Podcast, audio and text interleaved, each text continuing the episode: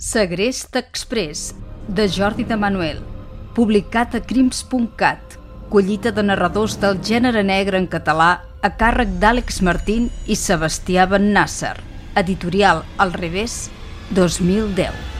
Enregistrament en veu alta. Capítol 12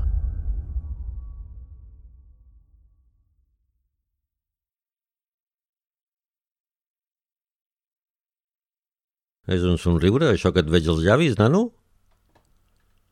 Vaig començar a recórrer les farmàcies de Ciutat Vella fins que vaig aconseguir que em venguessin un tub de somnífers.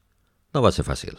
Vaig haver de posar en joc les meves habilitats per enredar els clients amb un farmacèutic incaut. Aquella nit vaig disposar l'acte final del meu pla alternatiu. En Valentí Rius va tenir un instant de dubte quan em va veure sense barba. S'ha afaitat? Va xiuxiuejar el molt beneit. Endrapava tot el que li posava davant sense miraments. Havia comprat unes croquetes de bacallà precuinades i després de treure-les del microones vaig anar entaforant dissimuladament a les croquetes les pastilles de mig tub de somnífers. La resta de píndoles les vaig trinxar i les vaig dissoldre a la llet amb colacao que sempre es prenia ben sopat. L'home es va dormir, com de costum, després del got de llet. Al matí no es va despertar. No t'han dit mai que ets un insolent, noi?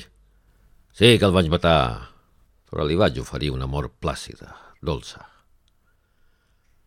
Vaig anar a la torre de Pedralbes. Al garatge desava algunes eines de jardineria, tisores de podar, una serra, eines de tallar branques. A la cuina tenia un ganivet llarg i esmolat per tallar el pernil, que en millors èpoques em regalaven cada Nadal les promotores immobiliàries. I ho vaig ficar tot amb una bossa d'esports. Quan vaig arribar a les golfes de Colom, el meu malson continuava inert al costat de la columna. Encara no li havia deslligat la corda de niló del peu. Vaig estendre un plàstic, d'aquells que fan servir els pintors per no embrutar el terra, i vaig començar a tallar el cos amb bocins, des de baix cap a dalt fent servir el ganivet de pernil. Per a les parts dures feia servir la serra i les eines de podar.